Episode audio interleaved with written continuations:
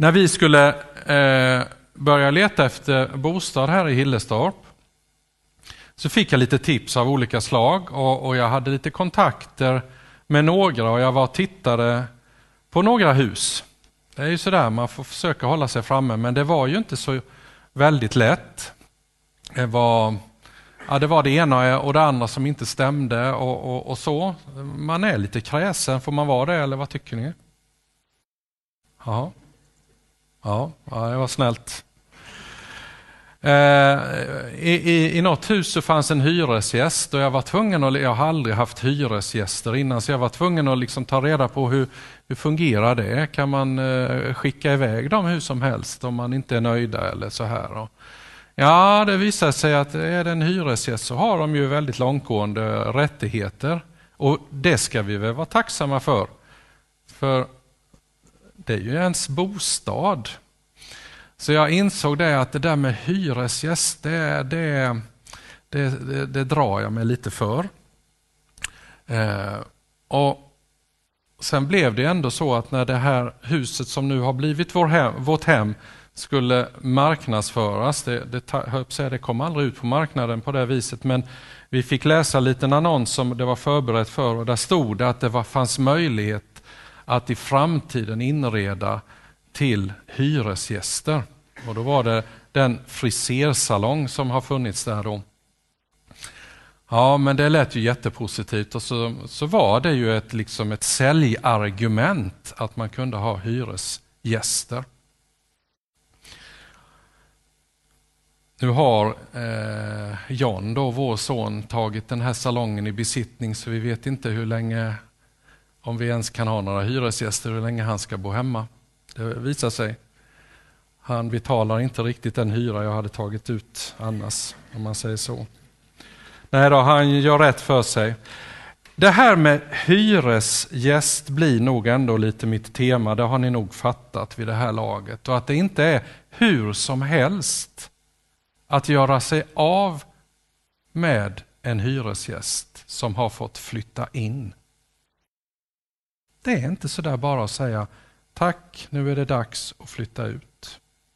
I så fall får man bedriva ett värdshus eller något liknande istället där man öppnar upp liksom bara över natten. Nej, det där med hyresgäst, det är något annat. Jag ska läsa ifrån Kolosserbrevet kapitel 3. Två verser bara. Eh, Paulus brev, han skriver det till församlingen i Kolosse under vissa omständigheter. Men han skriver bland annat så här när han, när han liksom riktar fokuset just mot församlingen. Kolosserbrevet 3, 16-17. Låt Kristi ord bo hos er i hela sin rikedom och med all sin vishet. Lär och vägled varandra med salmer, hymner och andlig sång i kraft av nåden och sjung Guds lov i era hjärtan.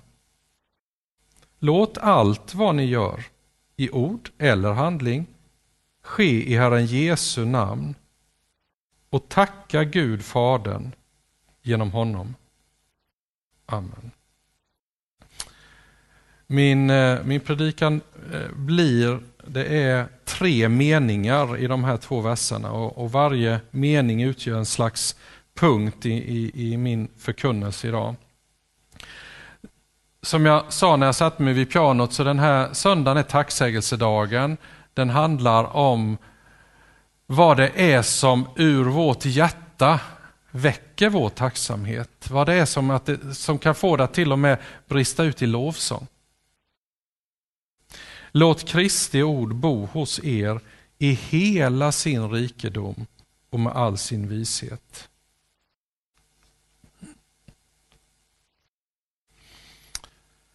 En del utav er har jag ju förstått vid det här laget. Ni är hyresvärdar och ni har hyresgäster. Antingen har ni något litet rum att hyra ut eller så har ni en hel fastighet med många hyreslägenheter. Är det viktigt vem som får flytta in där? Hur tänker ni omkring det? Är det viktigt att ta bakgrundskontroll eller så kallade referenser innan man skriver på ett hyreskontrakt. När Paulus i den här texten uppmanar oss till att låta Kristi ord bo i våra hjärtan med all sin vishet, så är det faktiskt det här det handlar om. Om vi låter Kristi ord, Kristus själv, flytta in så kommer det visa sig att det kommer inte att bli plats för så mycket annat. Om han, som det står i texten, med all sin rikedom får plats i våra hjärtan. Å andra sidan, om han får bli vår hyresgäst så har vi ju den bästa utav hyresgäster. Den allra, allra bästa. Jag tror att du kan identifiera när jag använder det här bildspråket också sådana sammanhang i ditt liv eller kanske just nu där du känner att det finns hyresgäster av annat slag som upptar din, ditt inre så att säga. Där allt kanske inte är så enkelt att bli av med. Där hyresgästen liksom hela tiden på något vis underligt sätt pekar på något kontrakt som du tycker är svårt att liksom bara riva sönder och bli kvitt. Utan det finns saker i våra liv som tar plats och som gör det utan att vi är så stolta över det och att vi har låtit det så att säga komma in. Om sanningen ska fram så finns det inget sätt att bli av med de där hyresgästerna förutom att låta Jesus Kristus få ta över kontraktet. Det är bara han som kan ta över ett kontrakt från någon annan som så att säga vill ockupera mig, mitt liv och mitt innersta. I den andra frasen så handlar det om att lära och vägleda varandra och då beskrivs det med salmer, hymner, andlig sång i kraft av nåden och sjunga Guds lov i våra hjärtan. Om lovsången ska bli lovsång så som den är tänkt så kan den bara sjungas i kraften utav den som bor i våra hjärtan. Det kan bara bli lovsång om den kommer ifrån Jesus. Sång och musik har ju alltid varit en, en väldigt eh, central del i, i kyrkans liv. Det har varit en central del i gudstjänstlivet och vi har blivit lite hämmade nu när vi eh, dessutom har fått, fått, fått veta att genom körsång och sång så, så sprids viruset lite lättare. Och därför är vi lite återhållsamma. Vi sjunger inte lovsång på lovsång på lovsång och psalmsång på psalmsång. Eh, men vi kan inte låta bli helt, eller hur? För det är en sån nerv, en sån, sån del i vårt sätt att mötas. Och för somliga så, så betyder det jag säger här och nu i princip ingenting. För du, du är inte den sorten som tar in det som talas och predikas. Men när Martina eller någon annan sjunger en sång, då, då blir du välsignad. Därför att liksom dräkten, det som klär budskapet, öppnar upp ditt hjärta. Vi är ju olika på det sättet. När jag själv växte upp så var en tid, skulle jag vilja påstå, som var lite unik. Man blir påminn om det i ett tv-program för inte så länge sedan. Där, där kyrkan och frikyrkan inte minst fostrade väldigt, väldigt mycket musiker och sångare. Eh, och, och, det var ju det där, den där tiden, eh, sent 70-tal, 80-tal och så vidare, då, då det var många musiker och band och, och, liknande som, som växte fram. Eh, jag var en del av det själv och jag, det vet ni vid det här laget, tycker väldigt, väldigt mycket om, och, om musik och framförallt att spela och så. Eh, kyrkan har ju varit en plantskola helt enkelt för musik och sång. Eh, till viss del är det så fortfarande, men, men vi kommer inte ifrån att det har avtagit. Det är inte så i samma utsträckning idag som det var en period. När jag själv spelade som mest, jag satt och, och, och, och tänkte tillbaka, drömde mig lite tillbaka där när jag förberedde mig, så, så ägnade jag mig åt hela spannet utav musikformer under en och samma vecka och sen blev det en ny vecka. Ja, eh, i, I sena tonåren så spelade jag framförallt mycket trummor och slagverk. Och ni kan tänka er att jag bland annat var med i en slagverksensemble. Ja, vi var fem, sex stycken slagverkare. Det var inget annat musikaliskt instrument, utan vi bankade och slog bäst vi kunde. Visserligen efter noter, jo man kan spela trummor efter noter. Eh, men det bara smattrade ju på där i vår lokal. Vi, vi blev inte jättemycket efterfrågade i eh, publika sammanhang. Jag har inte riktigt fattat det där, men så, så var det nog. Nästa kväll så var det musikkåren i Missionskyrkan i Värnamo. Kvällen därefter så var det Värnamo musiksällskap. Så från den där hornmusikkåren till Värnamo musiksällskap som var klassisk musik.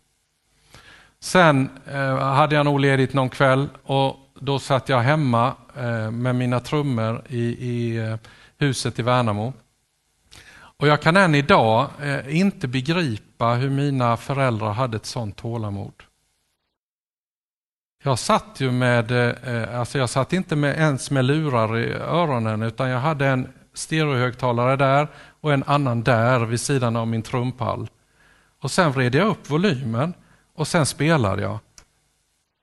Och, ja, vi var ju några fler i huset och de var, ja, jag vet inte hur de, vilket tålamod de hade. Men de klagade faktiskt aldrig. På fredagen så var det ungdomskören. Och då var det den typen av sång som många av er kan identifiera er med.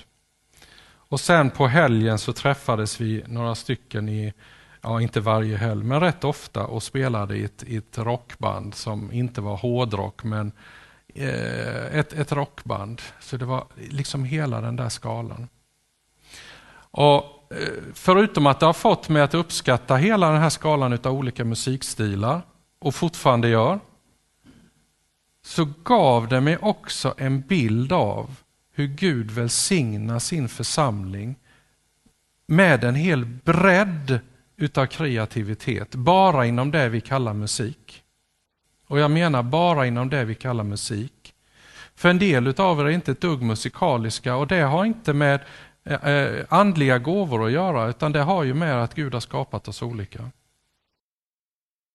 Så bara inom det som var musiken och som kunde formas till lovsång så fanns hela det här, den här spännvidden. Och det är så det ska vara. Hela den spännvidden utav sång och musik ska få vara en del utav det vi kallar lovsång. Och det som Paulus skriver här, använd alla dessa former till att ära Gud.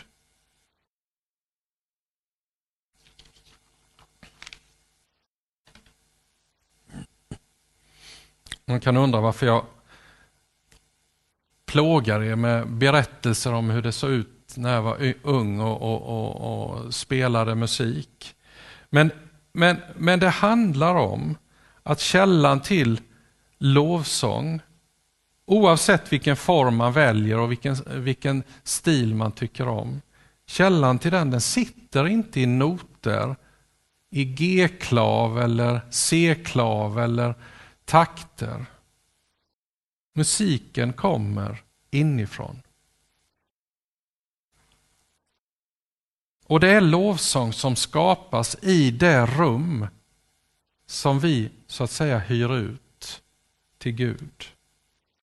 Om inte lovsången kommer ifrån den hyresgästen så kommer den aldrig att sätta några avtryck hos någon. Och avtryck från lovsång kan man göra som sagt oavsett vilken musikalitet du besitter. Det är i hjärtat hos Gud som lovsång skapas. Och hos somliga blir den till musik. Hos andra blir den till vänliga ord. Hos någon kanske det formas till en vacker trädgård. Hos någon till ett ljuvligt konstverk. Hos en annan formas lovsången till, till, en, till hjälpsamma händer som rycker in när vi behöver det. Så kommer vi då till den sista meningen i den här texten jag läste. Låt allt vad ni gör i ord eller handling ske i Herren Jesu namn och tacka Gud genom honom. Det är alltså inte bara lovsång som ska ske i Herren Jesu namn. Det är allt vi gör. Jag blev påmind om det här om dagen för jag blev så otroligt ledsen och jag var tvungen att, och dela med mig av detta till en vän som liksom är, är, är klok. Jag blev så ledsen eh, och ibland så kommer sån där ledsenhet över mig. Och vet ni varför? Det var för att jag hade dragit sönder en gänga i en skruv. Nej men, hur kan man bli så genomledsen så det liksom bara behärskar en flera dagar för att dra sönder en gänga i en skruv? Ja, men jag blev det. Och då så fick jag samtala med den här mannen och så, så sa han, ja, alltså det finns en orsak bakom alla våra så att säga, reaktioner. Och det är när du förstår den som du kan förstå varför du blir så ledsen och så att säga ta hand om det nästa gång det skulle hända. Och nu ska jag inte avslöja varför jag blev så ledsen, för det är min sak. Men så sa han så här. Har du tänkt på det här som ligger i dagens text? För det här var en av dagens texter. Låt allt vad ni gör kan till och med en skruv som jag ska skruva i och så drar jag den så hårt så gängan går sönder. Kan till och med det vara någonting som kan ske i Herren Jesu namn? Kan det vara så att också lösningen står att finna där? Inte så att Gud så att säga ser till att alla gängor håller sig i all evighet, för det kommer jag att dra sönder fler under min livstid, det är jag övertygad om. Men kan det vara så att både min reaktion och mitt sätt att vara, både i det som rör mig själv och rör andra, i lösningen sitter att låta allt ske i Herren Jesu namn. Och så kom vi överens om, jag och den här, att nu ber vi över den där skruven som gjorde dig så ledsen. Så ber vi över en lösning för det. Ja, det har inte kommit en gänga om ni trodde på det bara för den skull. Inte alls. Men det gav mig ett helt annat perspektiv. Det gav mig ett perspektiv på för det första, vad är viktigt här i livet i förhållande till vad som är mindre viktigt? Eller vad som är det allra viktigaste? Och det gav mig faktiskt också i den bönen lite tankar så småningom hur det här skulle kunna lösas.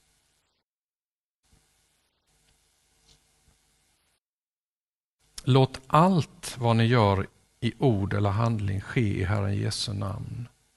Då handlar det inte som i det här fallet att justera en sidoruta på bilen så det inte susar i örat på mig. Det handlar lika mycket om att när du fyller din ICA-kasse så låt det ske i Herren Jesu namn.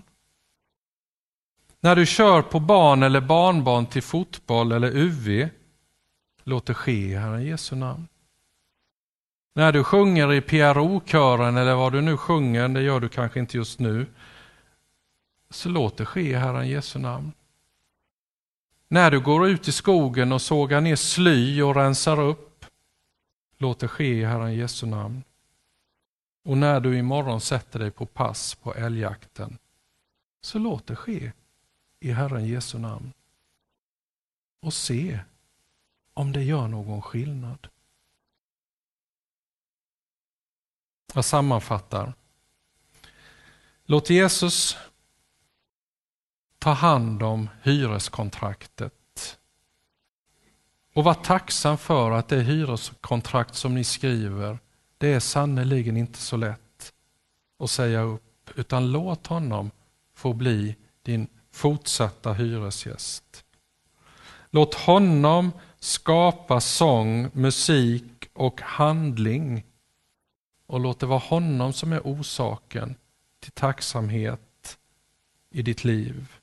Och låt liksom sången aldrig tystna, även om den inte handlar om toner, om takter eller musikalitet.